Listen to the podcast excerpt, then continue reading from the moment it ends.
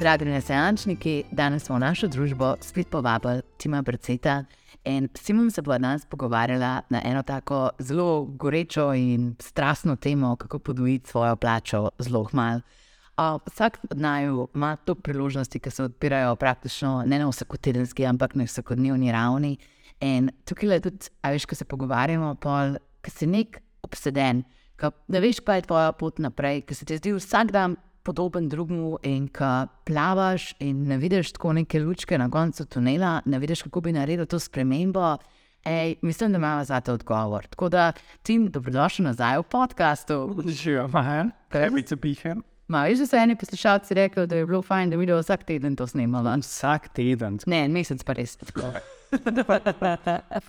Sem ful počaščen, res. Deva povej na začetku, kaj se dogaja v tvojem življenju.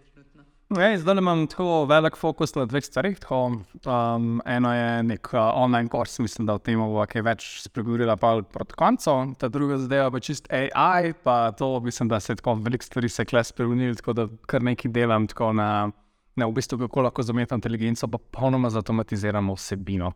Um, to sta neki taki dve dve zadevi, dve veliki temi za me, zdaj le da trenutek. Jaz sem ne bi zdaj skrivnost, ne bi sramežljiv tukaj, kar se tiče te umetne inteligence. Imate tudi pač vsak dan dobesedno en sestanek z večjimi e-commerce podjetji v Sloveniji in pač to se že na polno dogaja. Tako da, kaj je tista sprememba, ki jo poskušaš narediti? Je, mi verjamemo, ne, da na podlagi te rešitve, ki smo jo razvili, da lahko natreniramo AI do te točke, da nadomesti človeka. Ampak kot da besedno nadomesti. Da ni to samo orodje, kot večina ljudi govori, ne, ampak da je to dejansko neka rešitev, ki lahko zautomatizira velik del content productiona. Um, in tukaj vidimo tako ogromno priložnost, za tako evropska podjetja, ki delujejo na večjih trgih, da lahko hkrati generiraš vsebino, jo prevajaš in tudi lokaliziraš. To je ena taka tema, ki se mi zdi, da zdaj smo se malo lagali drug drugemu, ker smo rekli, mi lokaliziramo vsebino, pa smo samo prevajali. Lokalizacijo mi razumemo kot da tudi. Kulturno prilagodiš, ne? oziroma prilagodiš sporočilo za dejansko ciljno občinstvo, um, aj to druge države, aj to nek segment, ampak kako koli. Tako da to ne vem, tako se mi zdi, da se je veliko spremenil, pa da imamo zdaj tako nekaj ful dodatnih opcij, pa neko novo tehnologijo, ki res lahko olajša stvari. Tako da zdaj v bistvu ful, ful, imamo neko razvito platformo, na kateri smo že za določene primere tako zautomatizirali produkcijo vsebine, pa pa v bistvu verjamemo, da je to, da je to nekakšna prihodnost dela, da bo AI velik teh dolgočasnih stvari uh, prevzel pa delo sam. Zato je prišel kaj več časa za Ja, jaz mislim, da je idealno, ne, če, okay, če, če zdaj govorimo o farfetching stvarih. Ne, recimo AI, full veliko stvari zamenja, pa ljudi dobimo kar naenkrat ogromen cajt, pa namesto tega, da delamo 8 ur, delamo pismo. No, to je itak, mislim, da je smer, kjer se premikamo. Skratka, ne, pa, pa niti ne 6 ur, recimo vem, 4 ure recimo, na dan.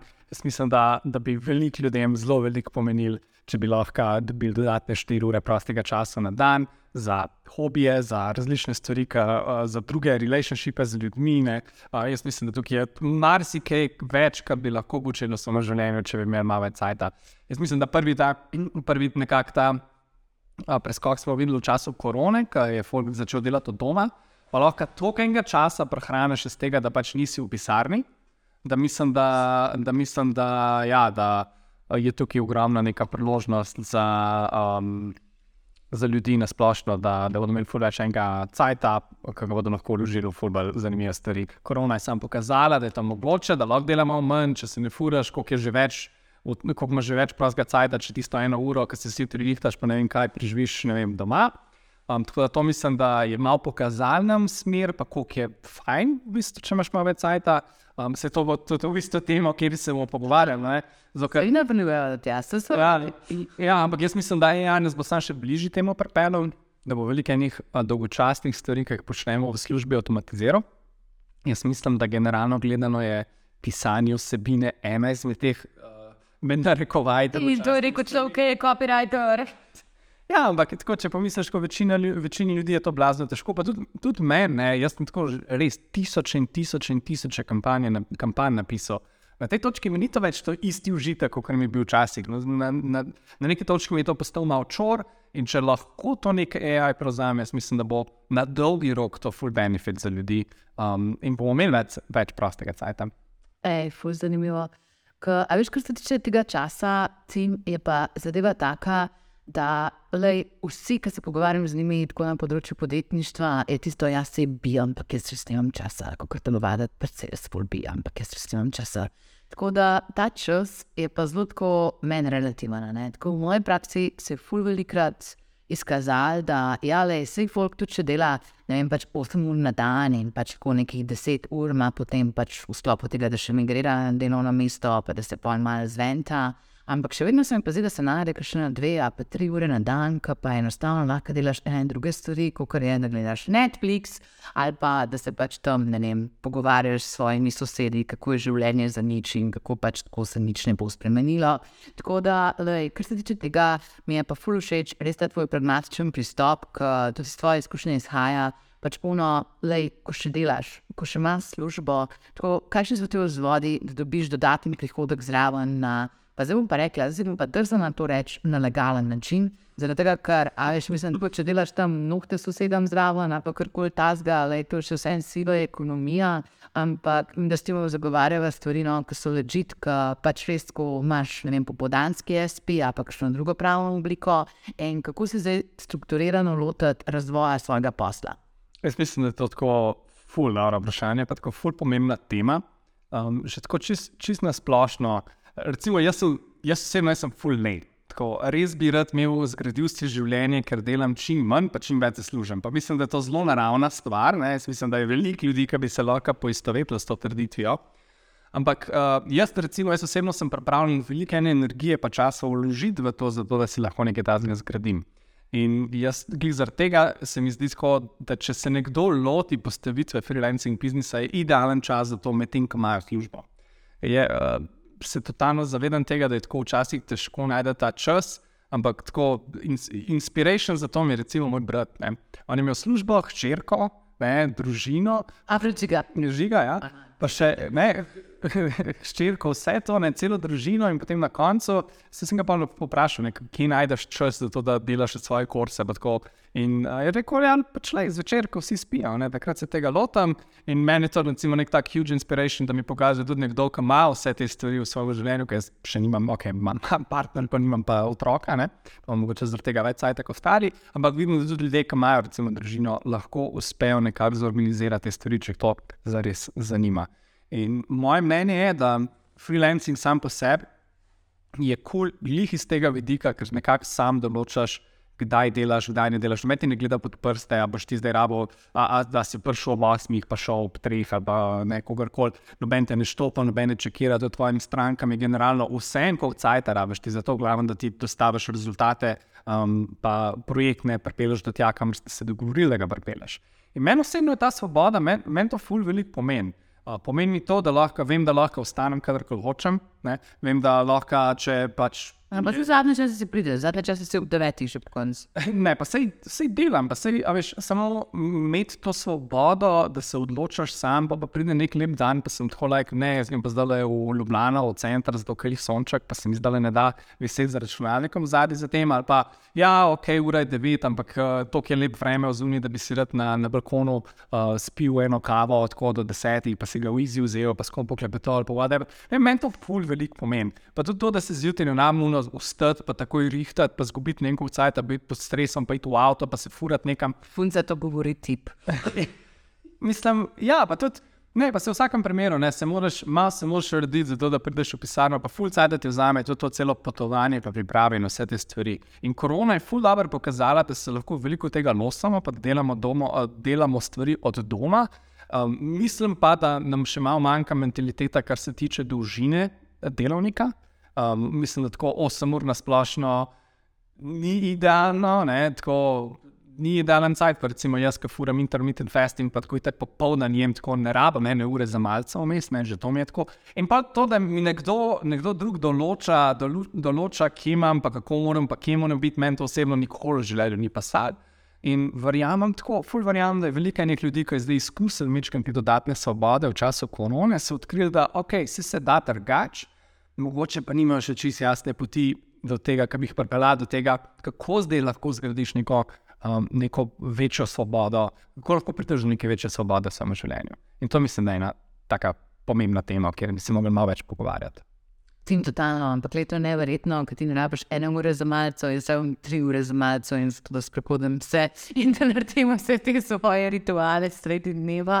Jaz pač jutrajno rutino sem že full opustila, včasih sem imela dve, ja pa tri ure, kaj eno uro bereš, eno uro telovadiš, pol eno uro nekaj planiraš in take zadeve.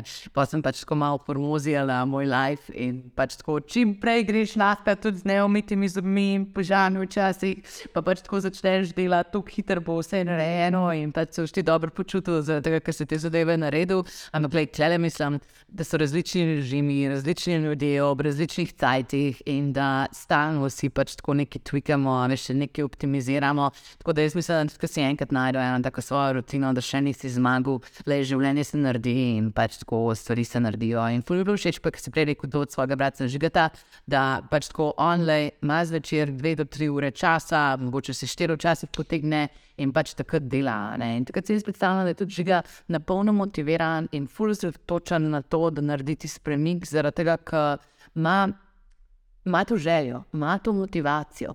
In včasih, a veš, je pa tudi fully pomembna ta smer, v katero smer mi to učemo, v katero smer mi gremo. In jaz sem videla. Tukaj sposobnega folka delati totalno napačne smeri, stvari. Ne vem, jaz, lej, ne bo na svet, pred katerim jaz popizdim tim, ki ti rečejo, vsak dan moraš objaviti eno stvar na Instagram, pa ne vem kaj, vse delati, pa pač biti na vseh konferencah in vse mrežiti.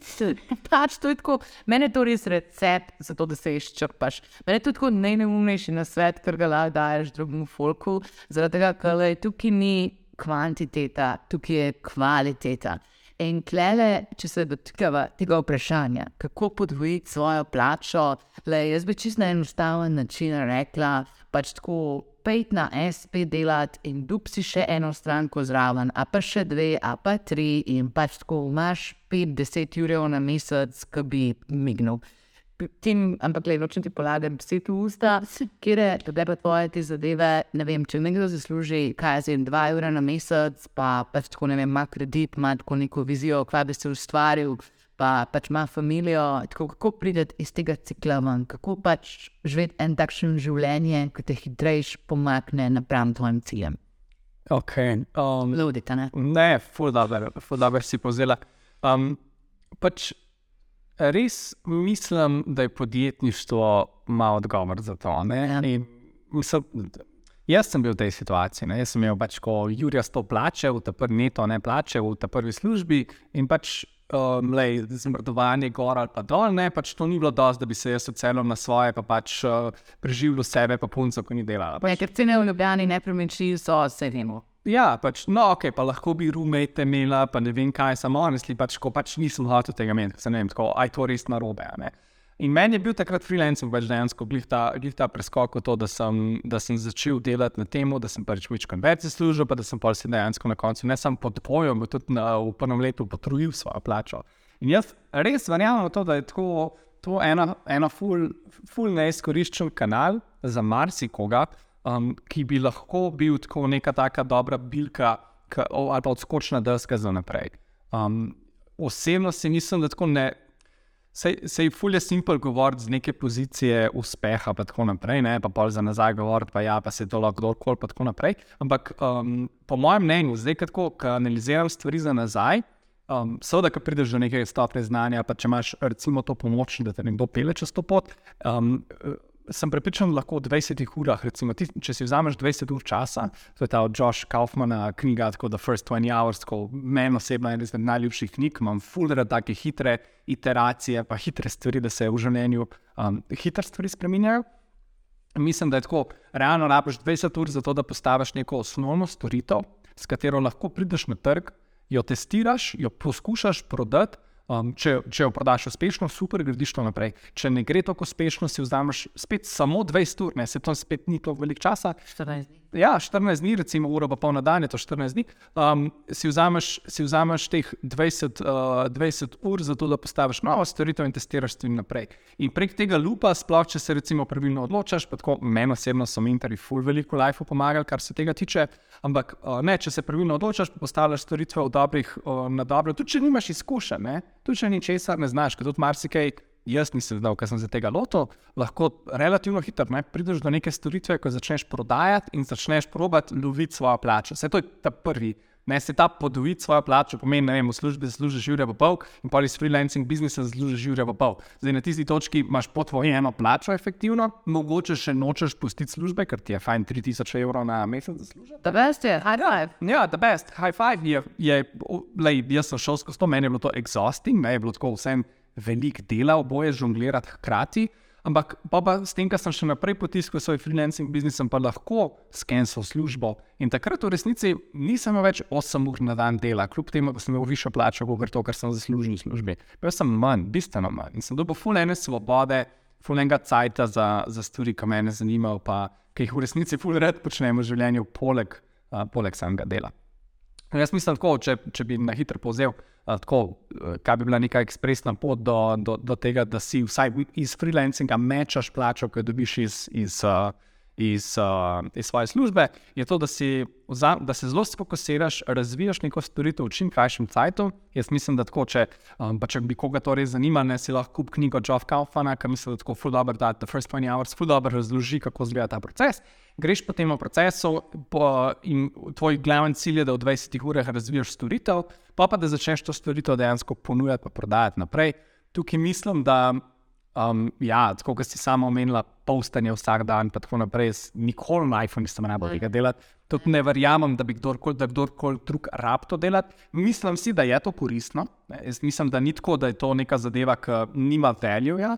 Ampak to imaš šele v tole, to, to prenaša vrednost v tvoje življenje še takrat, ko dejansko odkriješ, kaj je ta ponudba, ki jo lahko prodajaš, pa ponujaš svetu.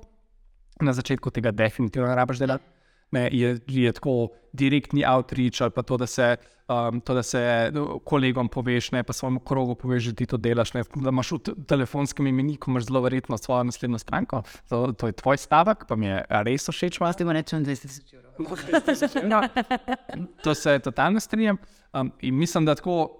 Predvsem bi rekel, da, da se ljudje niti ne zavedajo, res, koliko enih priložnosti v njihovem življenju, pa koliko enih stvari bi lahko izkoristili bolje, kot jih izkoristijo zdaj le ta trenutek. Um, in ravno tako, ne, če, bi sem, če bi imeli, če bi mi več potiskali na to smer, uh, bi hitro prišli do presenetljivo dobrih uh, rezultatov. Meni je ta beseda, mi je zelo dobro, drugačko. Presenetljivo dobri rezultati. Presenetljivo dobro, um, zato je, ker ni čisto jasno definirano, kaj, ampak ko pa enkrat vidiš te rezultate v tem odsajtu, si sam presenečen nad tem, ker niti ne verjameš v to, da ti to lahko uspe. In ti stvari se lahko ful hitro dogajajo, pa ful hitro spremenjajo. Jaz se spomnim tudi zase, ko prvo stranko, tako nisem zares pričakoval, da bom lahko to hitro zaprl, pa dubo. Ampak ta prva stranka me je v bistvu že zelo, zelo, zelo daleč pripeljala, pa, pa še naslednja, pa vse ostale. In v bistvu sem kar hiter. Um, me, mislim, pa ne bi rekel, da mogoče imam neko standardno pot. Uh, jaz mislim, da marsikdo bi me, me, me je prehitel v tem času, ali pa vem, hitreje začel več služiti, ali pa kakorkoli. Ampak jaz sem v prvem letu, se spomnim, kaj um, šestih mesecih od tistega prvega leta sem jaz rabo, da sem potreboval svojo plačo. To, po mojem, da je to nadpoprečno, ja, po mojem, da, da je to zelo hiter. Pa, če si iskreno, ne bi rekel, da to pripada um, ne vem, nekim ful pametnim potezam. Jaz bi rekel, da sem bil ful srečen, da sem imel več sreče, kot pameti, da, da, da mi je to ratal. Ampak tudi skozi ta proces sem odkril, da so neki čisto konkretni koraki, ki jih lahko vzameš. In to, da direktno pišeš ljudem, da jih opozarjaš, presenetljivo malo ljudi to dela, sploh v Sloveniji, recimo, cold emailanja v resnici praktično ni tako. Je, je, pa je čudno. Ali je fulj čudno, ne? pa ljudje res, res čudna sporočila pošiljajo. To, to, to mislim, da je dosti normalno, ne? ker pač ne vem, folk se počutka, da rab komplicirati v teh sporočilih. Ampak tudi po drugi strani, tako nasplošno se v naši državi tako ljudje močno izogibamo tega in nobeno pa ne povemo, da mi nekaj delamo, ne, ali pa da bi radi nekaj delali, ali pa da razvijamo neko storitev. In to je tako en glaven bottleneck, po mojem mnenju, ki ljudem preprečuje, zato, da bi res gradili pa skelali svoje storitve, pa stvari, ki jih, jih dejansko počnejo. Jaz mislim, da če si nekdo vzame 20 ur, samo da razvije storitev od začetka do konca, v teh 20 urah se fokusira na to, da razvije čim več um, čim boljši portfelj, skratka, čim več eksemplov stvari, ki jih dejansko dela, sam, brez strank, čistko. Uh, prek, proces, prek tega procesa se učiš, pa razvijaš stvari, pa hkrati gradiš svoj portfelj. Pa pa da si vzameš 20 ur cajt in sfokusirano, vse, kar delaš, je uro pa pol vsak dan pišeš podjetjem in poveš, kaj delaš, pa se stavlja, pa pošiljaš te ne le ponudbe ven, ne, ampak gradiš konekšne z ljudmi, pa jim poskušaš prodati svoje storitev, je to to. Tako, res ni tako komplicirano, če imaš v redu storitev, ki je mogoče preverjanja, pa obstaja konkurenca za njo, pa že drugi uspešno to prodajajo. Če greš to graditi sam, imaš po mojem, da je presenetljivo hitro to celo zadevo postavljeno, pa tudi prodano naprej. Ej, cool. Jaz mogoče tako, kot si rekel, ta zadnja stvar. Veš, jaz bi tukaj še dodala, da je fajn, da si v enem hitro raztočem področju. Ka, ne vem, če bo še en sil strokovnjak na področju e-trgovin, brez kakršne koli dodatne diferencijacije, to je Red Ocean. Vsaj v tujino, ki greš, je pol dobro biti specializiran, ne? da si najboljši copywriter na področju e-mail marketinga, za D2C brende, na področju lepote. In tukaj čim bolj usko, kot greš lahko, čim bolj zanimiv si tudi za tuje stranke. In meni je bilo pa klele, a veš tako horizontalna, vertikalna specializacija, pa to, da najdeš svoj modri ocean, kot si ti razlagal prej. Za ta AI, pa za ta copywriting, pa take zadeve, a ne, to je zdaj novo, to je zdaj hype, to se zdaj tako ful dogaja. Jaz isti hype sem živela več tako na growth hackingu, pa na blockchainu, pa na ICO-jih, pa take zadeve. In zdaj mislim, da se en hype, ki ga jaz doživljam, oziroma so ustvarjanje go-to-market strategy. Zaradi tega, ker meni je škandalozno, da po 20 letih, da ta teorija še vedno ni dobro pisana in ko se pogovarjam s folkom res celega sveta, pač tako je, lej, vsak si predstavlja po to besedo nekaj drugega in pač tako se je bilo NSO člankov, tako da jaz sem tisto demo, fanti, in punce, demo mi to napisati, pač tako to bo tako dobro, ker bomo naredili, pa ker se bomo kot panoga strinjali, kva to pomeni. Ampak, kaj mi ti povedati pa za, mislim, večino ljudi, jaz sem imela ful drugačno pot v bistvu, jaz sem imela tako ekstremno negativno motivacijo. Ti si bil tako pač, ja, le, jaz se hočem s tejo preseliti, jaz hočem imeti pač tako en takšen ful dober life, Jaz sem imela pač tisto, ok. Lej, jaz tukaj na svojem plačilnem listu vidim 2,500 plače. Jaz vidim tudi, da moj delodajalec za ne plača več kot 5 ur, tako da pač tiste 2,500 dodatno grejo v pravno obliko tega, da se jaz počutim varna. Zdaj pa mentalni eksperiment. Pač, a sem jaz sposobna zraven dobiti še eno podjetje, ki mi bo plačalo tiste 2,500 ur, kar moj delodajalec, zato da jaz dobim 5 ur oblačen na mesec. Mislim, da tukaj mi bo res pomembno, isto kot meni, ne, za nepremičnino, da se vsi vemo, kakšne so cene.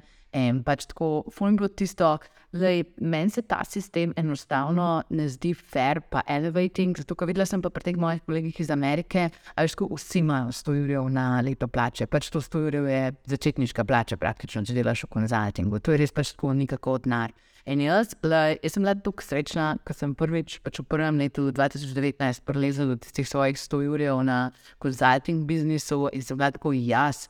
Pač ko le prej, s tistimi 2 ure, 2 ure 500, sem prišla do 24 ur na leto, pač tako res neki dazga, ki mislim, če imaš sreč, če noč ne praviš, si lahko kupiš dober avto.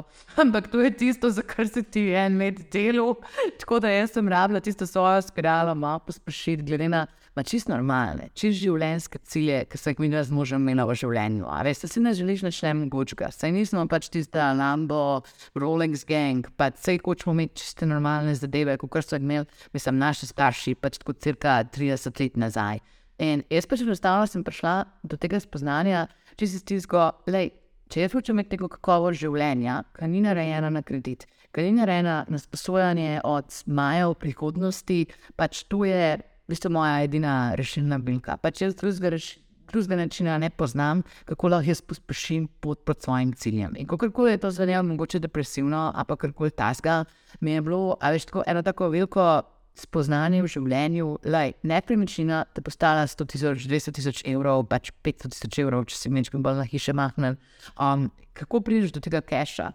Pač s tem denarjem, ki ga dobiš, pač tako na plači, težko zelo težko, a pa, pa si sposojaš 30 let od prihodnega sebe. In klele, pa le, da se imamo ljudje različen odnos do financ, ampak ja, moj odnos do financ je brez kredita. Jaz se z tem strinjam, jaz nisem zadolžen, pa to mi je fulj pomembno. Pa sej, ne, Svoboda, svoboda je tukaj pomembna. ja, pa, pa ne bi rekel, da je to vedno prava odločitev. Jaz bi rekel, da mogoče nisem najbolj finančno pismen. Jaz mislim, da je ogromno enih dobrih razlogov, zakaj hočeš vzeti kredit, pa, pa graditi svoje življenje iz njega ven. Um, Glede za to, ker mogoče nisem tako finančno pismen, ampak nisem nek, nek kakšen ekspert, pa strokovnjak za te stvari, mi je pač enostavno lažje ne biti zakreditiran. Tako, to mi je tako, ne vem, neka, ja, okay, neka svoboda, ampak tudi nek uh, bistveno manjši stres. Pa, um, pa verjeten bi danes relativno simpel lahko zrihtel, pa tudi bil bi tudi da šor, da lahko to brez problemov rečujem. Ampak tako, čez prve par let. Tebe prizna odločanje. Ja, ampak prvi par let pač ne vem, če sem bil tako konfident, da bi nekaj takega naredil. Ne? Ker sem vedel, da, neku, da ne bom hotel ustati znotraj neke službe, um, da ne bom hotel iti po čist klasični poti, ki bi mi mogoče dal to neko stabilnost ali whatever temu pravimo. Ampak ja, pač. Uh, Zaradi tega se takrat nisem niti razmišljal o tem. Pa tudi danes, danes pa v bistvu ne, vem, ne rabim tako in pol, ki je fora, ki je fora zakaj bi se, zakaj bi se zares za, zakreditiral. Um, to, to, to mislim, da je tako grajenje življenja na dolgo, um, po mojem, da ni najbolj sustainable stvar, ki jo lahko počneš v svojem lifeu. Um, v, vem, da so ljudje, ki so izjemno pametni okoli tega, pa, se, pa, pa, pa res dobro znajo to, znajo to delati. Pa pač jaz nisem tak človek, veš, nimam te izobrazbe, tako zares me tudi. Iskreno, ne vem, če res hočem to imeti, ali pa bi se rad ti stvari učil. Honestly, tako moj glavni fokus v life je to, da, ne vem, da, da, da uživam, ne, da mi je fajn, da imam dovolj svobode, da delam stvari, ki, so mi, um, ki mi prinesejo polnega užitka, da sem happy, da imam ful dobre odnose z ljudmi okoli sebe. In to mi je nekako kori, na tem delam največ, nočem tako zares se ful preveč finančno izobraževati, ker se mi zdi, da veliko teh stvari lahko tudi. Ne vem, ali outsourcamo komu drugemu, ali pa najamemo nekega svetovalca, ki nam lahko tle pomaga. Ne, točno to. a Veš, in ene stvari se pa tako malo zgodijo. ne. Tega, ker ti ka enkrat nisi paničen in nisi paranoičen na denar, pač toliko bolj se obnašaš, toliko imaš boljši karakter, toliko boljše priložnosti si izbereš. In meni tisto, lej, res. Ful razumem. Zato, ker mi je zdaj že tam se začela živeti tudi na 20 kvadratih, v Grasonjeru, v njegovem staršev in pač tako, le, že je bil takrat študent, jaz sem imela tako že neko plačo, isto kot videla stejo in pač tako, le, začetek lajfa, res niso bile pač tako rožice in samorogi. Ampak mi sem imela to skupno vizijo. Veš, kaj se mi dva hoče ostati, kaj je tista stvar, ki bi jo mi rada naredila v življenju. In ja, par let je bilo treba stisniti, par let je bilo treba grindati, je bilo treba pač res delati skupaj v isto smer, zato da sem prišla do sem. Ampak ta freelancing je bil meni res takšen amplifikator, ki ga v redni službi nikoli ne bi mogla dobiti, zaradi tega, ker enostavno lej, tam čim več narediš, tudi nagrade so tako obdavčene, da se to na koncu meseca na tvojem bančnem računu ne pozna. Ne? In jaz pač razumem občutek varnosti, kot ženska ga absolutno razumem. Ampak tako vseeno, da pa pridemo na naslednjo raven tistega življenja, v katerem mi sanjarimo, pač ki nam je všeč, ki se počutimo svobodni v njemu, ki se pač skupaj počutimo, da delamo najboljše odločitve. Ej, za tisto sem pa skoraj rabila narediti side business raven, zato da sem lahko manifestirala to. Sam, tako, to je ful dober komentar, da rečem. tako, Ampak kaj je dejansko kle varnost zadnji za tem? A si, tako, a si upaš svojemu zaposlovalcu reči ne za nekaj, kar nočeš delati? Tako. Kot to večino ne. Večina bi rekel, da ne, ne ampak to je ta, ne, freelancing ti da to opcijo. No, pač rečeš ne temu, kar nočeš delati. Meni se zdi tako to svoboda, meni se zdi to, ne vem, ok. Um, pa tudi, kar se varnosti tiče, ne vem, če bi res rekel, da je bolj varno biti zaposlen kot freelancer, ker če lahko, ne vem, isto stvar, ki jo tle uporabljaš, ki jo tle delaš, za manj cajta, ne, dejansko ne, ker če pogledaš tipično neko, neko službo, ki jo poprečen človek dela, bi rekel, da ne rabiš 40 ur na teden to delati, ne, zato da ima celo zadevo na njem. Skratka, če pogledamo mogoče malo bolj realističen timeline, ki je verjeten bližje 20 urah, ne, 20 uram delal. bistveno Ja. bliže 20 uram na teden. In če ti to isto storitev prodaš nekemu ameriškemu podjetju za 3x tega, um, pa si najdeš dve taki stranki, ali pa vsaj razviješ ta sistem iskanja strank, kjer um, si prepričan, tudi če neko, nekoga zdaj izgubiš, lahko v zelo kratkem času novo stranko dobiš. Meni je to safety. Meni je safety to, da imaš pač ne vem, nekaj denarja, pa šparanga, ne pa da te lahko nekdo zaradi tega, ker, ni, ker, ker nočeš delati nekaj, kar ti tek ni všeč, vrže ven iz, vrže ven iz službe. ne. Tako, a je to res bolj varno? Jaz, jaz nisem čest prepričan, da je to bolj varno. Razumem pa, da ne, ok, le, sej. Meni se ne zdi čisto nič narobe. Tako, Če se odločiš, da v svojem življenju nočeš freelancer, pa da hočeš biti zaposlen, pa ti to bolj kul, cool, um, jaz to tudi tam ne štekam. Tako, pa verjamem, da, da je veliko enih, uh, veliko enih ljudi, jim je to pač dovolj v življenju in to je hudo. Tako, jaz mislim, da kdorkoli najde nek purpose, pa nek način življenja, ki jim sede, pa ful uživa v tem, pa so ful happy, jaz mislim, da je to ful commendable. In mislim, da je, da je to dejansko point life, Ja. da si na koncu, na koncu ne vem, dneva, tedna, kako zadovoljen s tem, ker si. Um, Meni osebno pač to ni nikoli bilo. Ne? Kaj mi je Karin prav ne zanč rekla, mislim, da je naslednji podcast, ki ga bomo sicer objavili. Ampak ona je rekla že kot otrok, da je svojim staršem pač povedala, da mora iti planirati, zato ker ima jajce v možganih. Ona se je izrazila jajc v možganih, pač tisto, ona si mogla napisati od ure do ure, kaj bo delala, zaradi tega, da je prišla do ene take jasnosti v življenju. In klele mislim, Pa veš, če si takšen človek, da te to malo črviči, da um, si pač tako, a veš, na tem, da lej, okay, se jaz pač res tako odločim, da je vsak dan isti kot drug in grem pol gledati na vrt in grem pač pol, ne vem, pogledati reality show in enim ljudem je to zakon. In mi je pač tako battle high five, vse ljudi, ki jim je to zakon. Ampak če si tisto, uf, Ampak un človek je pa naredil nekaj drugega, ampak jaz sem pa to več sebe, jaz pa pač tako drugačne stvari mislim. Jaz sem to idejo, ki bi se mogla manifestirati, da je to te pa šul. To je pa ena taka notranja napetost, ki se prav počutiš, ima nek kot loser, ampak da nekaj zamujaš, če je ne uresničiš. Ne? In mislim, točno za te ljudi bi pa jaz pač tako rekla, da ne rabiš narediti nekega karhata. Pač tako, lahko si v službi naprej, lahko pa si vzameš če se 3 do 4 ure na dan, ki jih lahko posvetiš razvoju svojega biznisa. A veš, tako, noč ne rabiš biti prisiljen iz danes na jutr spremeniti. Še posebej, če pač nimaš te varnosti, finančne varnosti, a pa če imaš familijo, a pa če imaš kakšne koli življenjske pogoje, a pa ne vem, kakšno mentalno predlago, ki te onemogoča na tej poti. Ampak, gledaj, ker smo pa že bili na mentalni predlagi, sem pa jaz sem danes brala, mislim, članek od moje vzornice Eline Verne. Ona je bila pač tako interim head of growth na Miro, tu na Serviman, ki je na Amplitudu, pač tako na teh milijardnih podjetjih, ki jih jaz tako obožujem. Ona je drugače rusinja. Tim ona je drugače rusinja in ona je šla pač tako v Ameriko, se preselila in zdaj pač ona od enega svojega konzultinga dobi milijon na leto. Pač ta ženska je amazing in pač tako meni, like, ki sem se jaz parte dobila z njo, jaz, jaz sem se skoraj jokala. Pa še kaj sem jaz v življenju narobe naredila, zato da nisem Elena Verna. Tako rekel je, lahko si kul, cool, ampak ne moreš biti Elena Verna. Ta ženska je res pač toliko pravih odločitev v svojem življenju naredila, da adijo. In včasih tudi, a veš, ko gledaš še nekaj svojega vzornika, pa le nisem. Lame bo reči, da zdaj pač tudi, ga, mogoče poslušate naj v Steamu, pa si pač tako reče ta faks, sam pač to ni moj life, jaz nimam teh oportunitijev, jaz ne razmišljam takih zadev. Ampak meni je tisto bolj, a veš, le eno stvar, ki se jaz lahko delim na nočim. Pa če eno stvar ne zagravim, pa jo naredim, pač to je toliko boljš, kot da ne bi naredila nič. Zaradi tega, ker pri takih zadevah, fully enostavno je sam reči, oh, ampak ona je tudi bila na Stanford, jaz sem delala na ekonomsko fakulteto, a pa uh, ona živi v Ameriki, jaz živim tukaj v Sloveniji. Lahko je najdete zgovore. Pač to res absolutno ni nobenega problema, ampak na koncu dneva le, pomembna je tvoja osebna rast. Pomembno je to, da si ti jutri pikito boljši, kot si bil danes. In glede, mi je res tako tuna brez izgovorov. In ne se utopiti v teh primerih in pač govoriti, da ne vem, pač podjetniki so nemoralna bitja, pa še koli stereotip, ga imate mogoče, da nimate cajta za to, da ne vem, če ste mama, ne morete narediti teh zadev. Pač to pa meni, a veš tisto, če si želiš. Če te žuli, lahko najdeš način, svojo časovnico, svoj tempo, da ti bo to uspelo. Tim spet sem ga nekaj rentala, a se ti s tem strinjaš? Ful me spomni, tako, jaz sem zdaj nov fobi, tako um, uh, 3D printer sem kupil. Če jaz tebe spominjam na 3D printer, veste? Ne, čakaj, čakaj.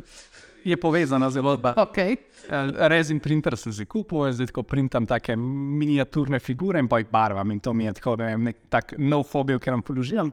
In sem se zanj dobil z enimi kolegi, ki so tudi taki geeki, kot sem jaz. In jim pokažem, kaj sem pobarval, in so bili tako, ja, ok, to je res hudo, dobro, ti, ki imaš tako res uh, milijon cajta, ne, pa tako, ne bi rekel, da ti imaš zajtrk, kaj ti? Ne, kakorkoli, ne, kakorkoli, ne, pa sem, pa sem takrat, takrat sem jih vprašal, da če, pri- če pogledamo, koliko ur sem jaz, pa vi zapravili v zadnjih 14 dnevih na računalniških igrah, ne? pa imam jaz tako zero, no? Oni pa verjetno glih toliko ur, kot sem jaz zapravil to, da sem recimo tisto pobarval. Jaz mislim, da je tako fulejnih takih navad na splošno, ki jih delamo v svojem življenju, ki nas malo štopajo, zaradi katerih nimamo toliko časa, kot bi ga v resnici lahko imeli.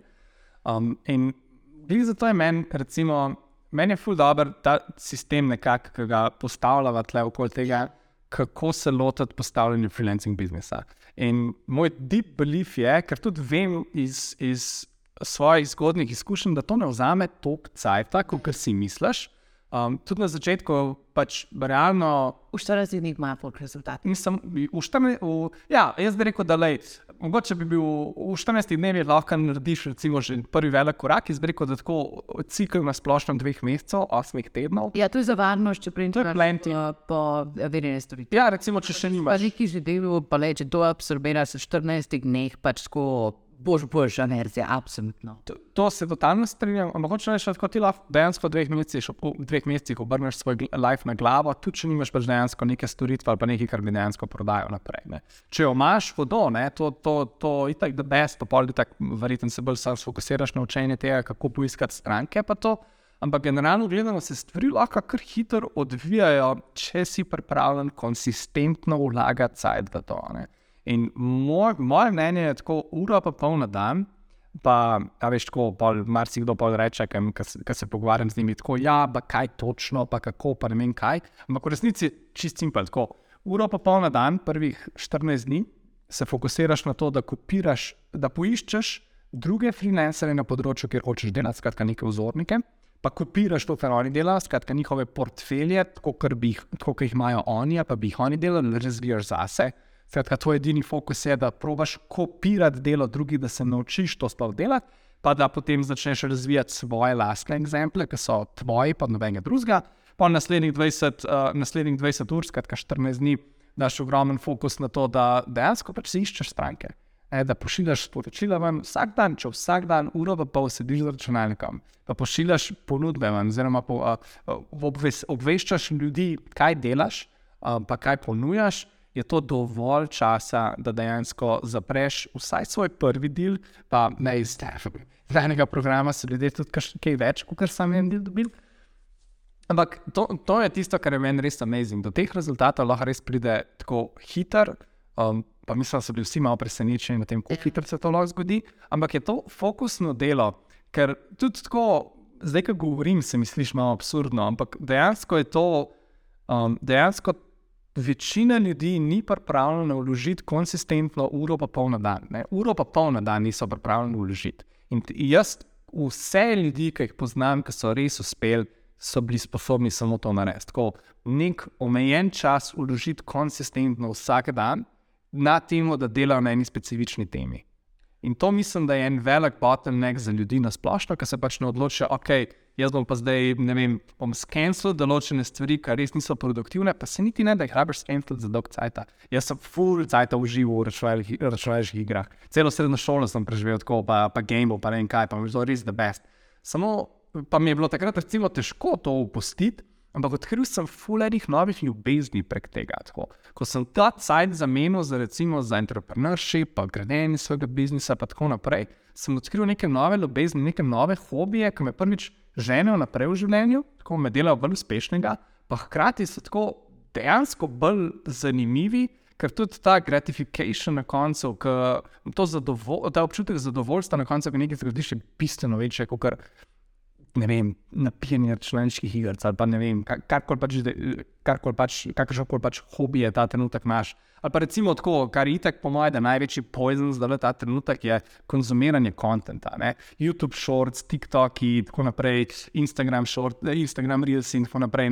Um, to konstantno konzumiranje konta je po mojem, da največji problem. Zato mi je to všeč ta od Josh Kaufmana pristop da recimo uh, znotraj teh, recimo 20 ur, ki si jih zastaviš, preživiš res minimalno časa na učenju, pa na teoriji, ker učenje pa teorija to je zelo addiktivno, tako ljudje se ful dobro počutimo, ko se učimo nekaj novega in pa kupujemo kurse, pa gledamo videe, pa ne vem kaj vse. Namesto tega, da dejansko vem, si pogledamo eno stvar, rečemo, ok, jaz bom zdaj to promo narediti, pa takoj implementiramo.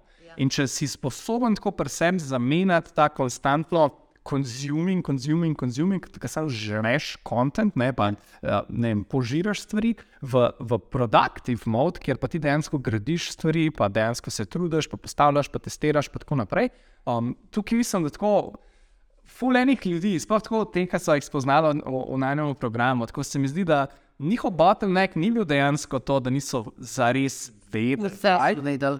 Dejansko so vedeli, kaj je stvari je bilo pač tako rešljivih, ampak ja, so bili ljudje malo zacikljeni. Ja, bili so zacikljeni, nisem imel tega fokusa samo to, da bi vložili ta cajt v to, da bi pač ok, lej naslednjih 14 dni, vse kar delam, uro pa polno dan, to, da si iščem stranke. Nič drugega, nič drugega. To je moj edini fokus, edini cilj, je, da zaprem svojo prvo stranko.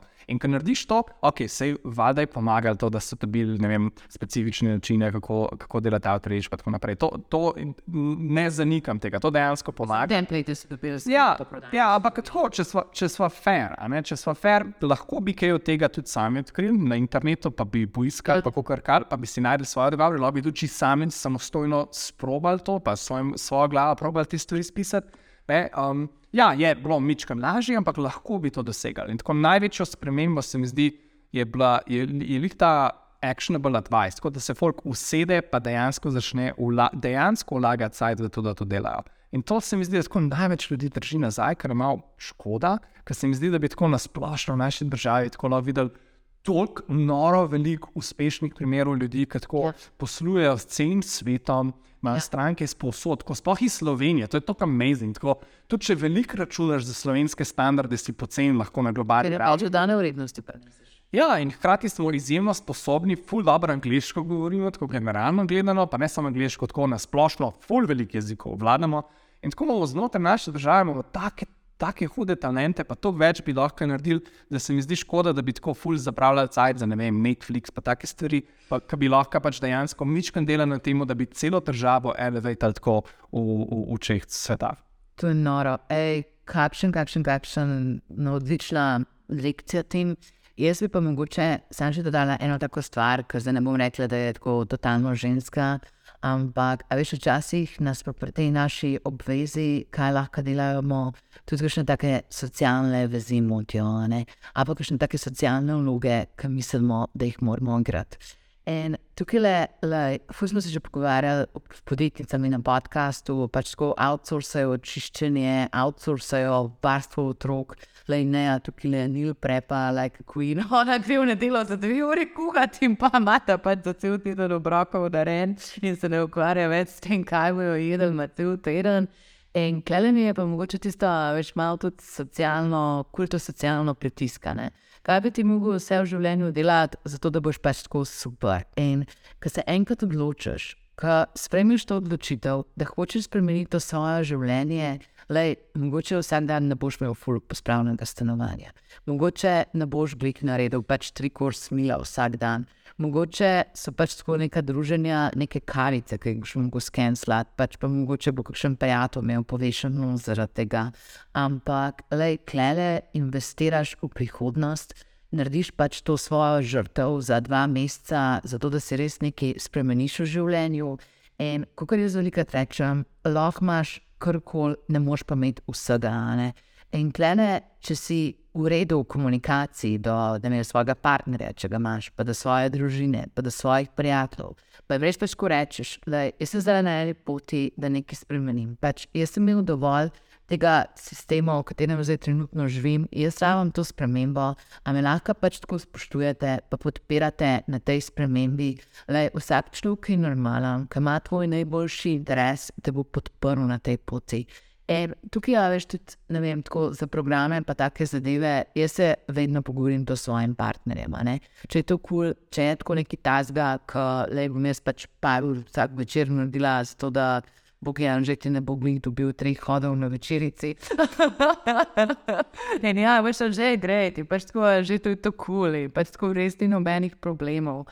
Tako da um, včasih, a veš, so pa te barijere tudi pač socialne, pa tisto, kva bi mi mogli vse delati, tako mislim, kako bi mi mogli pač, ne vem, vsakmu človeku vsak dan čestitati za rojstni dan, a pa se enkrat na teden dobiti s svojimi prijatelji iz srednje šole, a pa karkoli že imamo v glavi, ki delamo ampak nimamo resnici tega užitka, zakaj to delamo.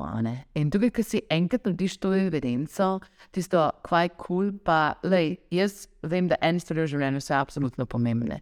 To, da se, naprimer, ukvarjaš s svojimi otroci, da treniraš svoje pse, da pač učiš druge ljudi, pa take zadeve, to so pomembne stvari, pač tega ne moreš odrezati. Kot je pa ti rekel, v vsakem primeru, a veš, po življenju imamo neki balasta, ki te v bistvu ne osrečuje, ki delaš zato, da. Kaj misliš, da bi mogel? In delati tiste zadeve, ki misliš, da bi mogel delati, a pa kaj delaš, ki se čisto zvesti, ker nisi motiviran, da nečeš drugega narediš, zato da malo poližeš svoje rane in si popraviš malo svojo dušo, zato da greš lahko še en dan tisto praznino, ki ti itak ni všeč. Tako da lej, zadeve so lahko tudi zelo sociokulto, a pa psihološke. Ja, ma, ampak to, to je zelo dobro izpostavljati. Jaz sem zdaj, če sem v življenju zamenil svoje prijatelje tako družbo, s katero sem se družil. In honestly, tako, če imaš ljudi okoli sebe, ki te niso pripravljeni podpirati na tej poti, ali pa pač dejansko ne gledajo na tvoje najboljše, pa mislim, da je cajt, da zamenjaš te ljudi. Pete dol drži včasih. Jaz, danes, jaz bi danes rekel, da imam najboljše prijatelje, ki sem jih kadarkoli imel v svojem življenju. A sem tvoj friend. Ja, ja absolutno. It's official. Ampak mislim, da, da, da glaven razlog za to je, da sem odkril, da so okoli mene lahko tudi ljudje, ki me ful podpirajo, ja. pa me ful potiskajo naprej, pa me ful pomagajo na vsako zadevo, kadarkoli se lotam. Vi včeraj sem imel tako, zdaj imam res imam ful veliko dela, ki postavljava, uh, postavljava en nov kurs, ne, pa lahko o tem tudi kaj povem. Ja, ampak, ja. ampak, ampak ne, sem včeraj klical. Tilna, res, res amazing človek, ki mu reče, stari je, tako meni, tako fulmam dela, ne, da imam ne, deadline, ki ga, ki ga novim imam, a mi lahko malo pomagaš s tem. In ta prvi zdaj rekel, ja, itak, ti mi sam povej, kaj rabiš. Tako ni bilo, ne, ampak najdete ljudi v svojem življenju, ki so, ki so pripravljeni tako spustiti, pa te podpirati za take stvari. Se mi zdi, da jih v podjetništvu najdeš ljudi, ja. ki so ful razumevajoči okoli tega, ki znajo podpirati drug drugega, ki si drug drugemu ful uspeha želimo. In honestly, toliko ljubezni, nikoli nisem dobil od svojih prijateljev, kot jih dobim. A tudi na karantenu, ne? Tudi na karantenu. Tam je bilo, se smo imeli super trening, to, to zdaj si mi res flashback na, na, na, na kar nekaj cajta nazaj. Ampak se mi zdi, da tako generalno gledano, um, se mogoče ljudje doskrat bojimo spustiti stvari, pa relationshipe v našem življenju, ki nam ne koristijo. In honestly, če imaš tako, če imaš partnerja, ki te napolno zavira, pa ne vem kaj bi, ja, jaz mislim, da je cajt, da to zamenjaš.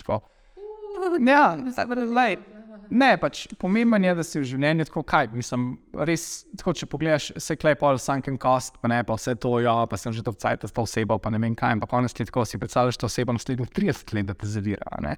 Tako, jaz honestly si mislim, da je ful pomemben, da se v življenju poiščemo ljudi, ki nas podpirajo, pa peljejo naprej. Kaj je to v obliki mentorstva, je to v obliki prijateljstva, prijateljstva kakorkoli. Jaz mislim, da je to tako neka zadeva, ki ti toliko obogati življenje, pa te toliko naprej premakne, kaj čist neč drugega. Ej, ti sem, le, ful, hvala za to refleksijo. Mi nismo tukaj zato, da bi dali še 25, to je pač domena našega prijatelja, neca svetita. On ima pač bolj te stvari pod kontrolo. Dej, le, dej mi ne pogovoriti se, kaj je ta program, ki zdaj pripravljava. Kaj je tisto dodano vrednost, ki so jo zinženirala na podlagi tega, in tako, kako biti del te zgodbe, če ste se začutili v tem sporočilu. Če so vam pač te zadeve, o katerih smo se danes pogovarjali, pač tako blizu, pa ste v stanju v življenju, ki ne samo, da ste pripravljeni, ampak da si želite, da v vas dobesedno nekaj gori, da je čas za spremembo, da je čas za en drug life. Ja, no, zdaj smo izvedli. Prvo verzijo najnega programa, so zaključili prvo verzijo najnega programa od redne službe do freelancing biznisa kaj uh, se zgodi.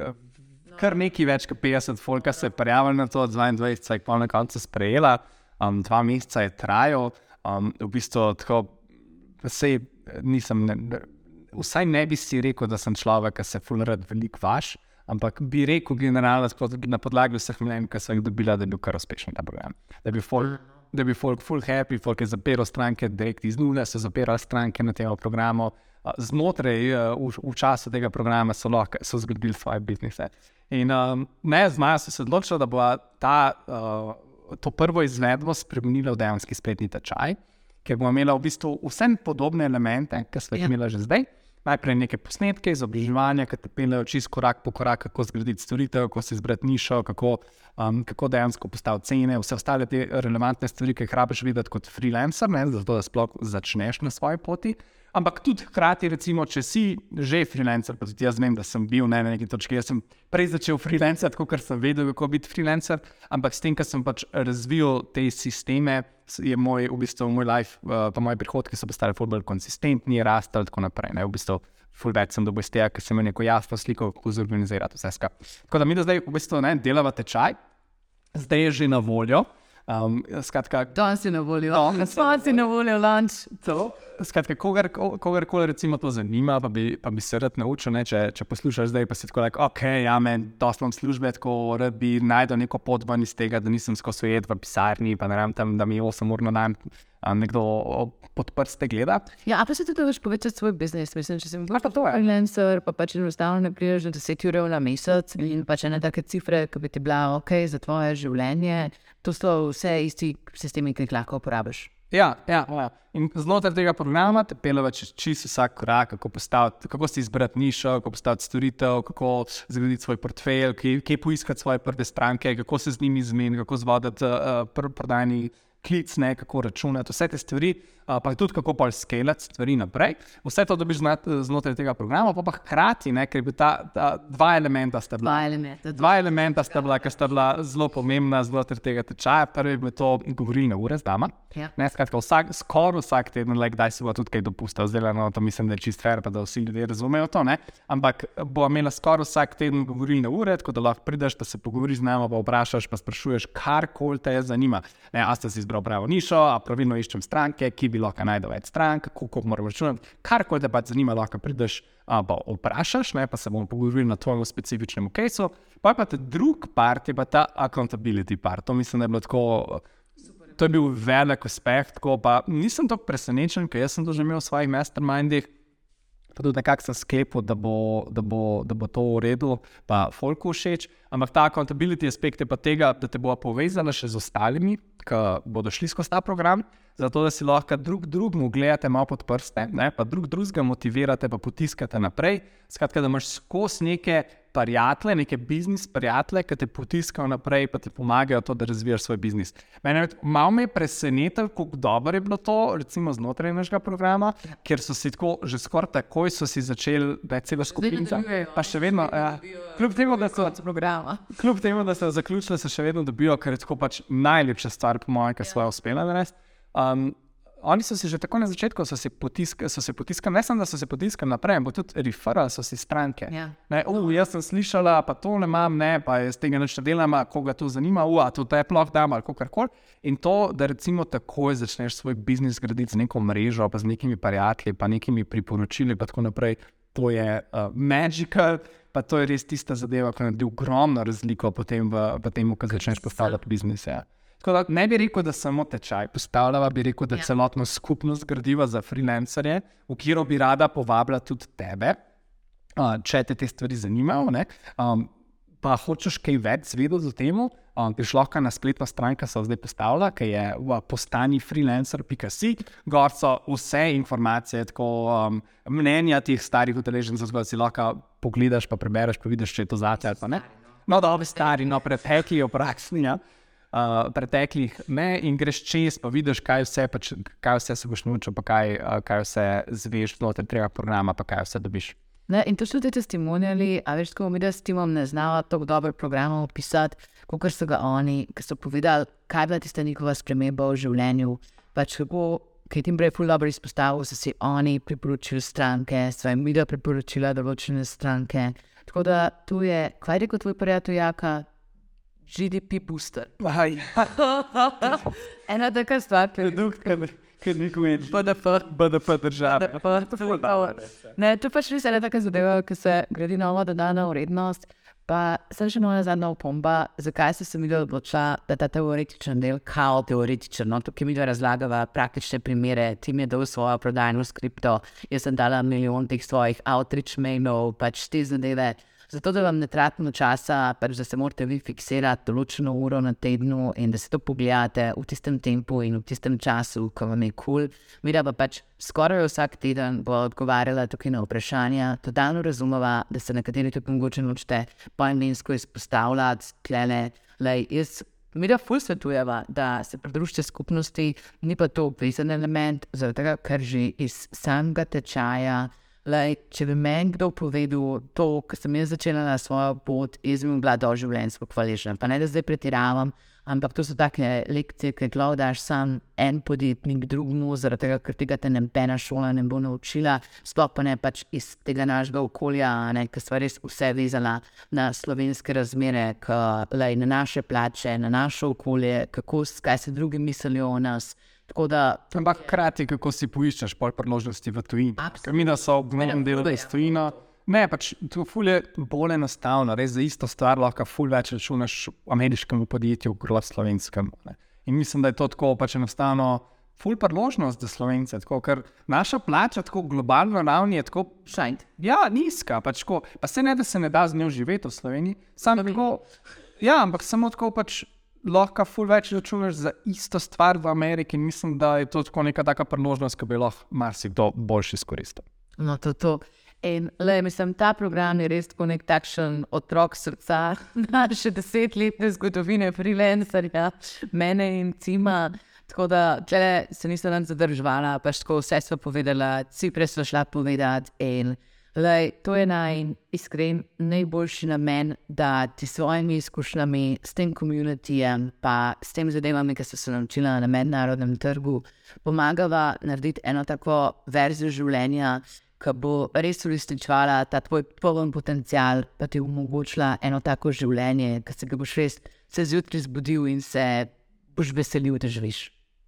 Ja, no, mogoče bi pa samo en disclaimer, da, tukaj, da, da to ne pomeni, da ne bomo še naprej javno učila, pa brezplačno delila znanje. Tako da kogarkoli, karkoli zanimalo, valjda vedno nama piše. Tako, mislim, že tako po defaultu so oba taka, da jaz, jaz vem, da dobim precej njih sporočil. Zdaj, ima, zdaj imam, mislim, da je ne 70 neodgovorjenih sporočil sam na Facebooku, ampak vem, da si vedno si znamo v cajt za to, da pomagajo ljudem.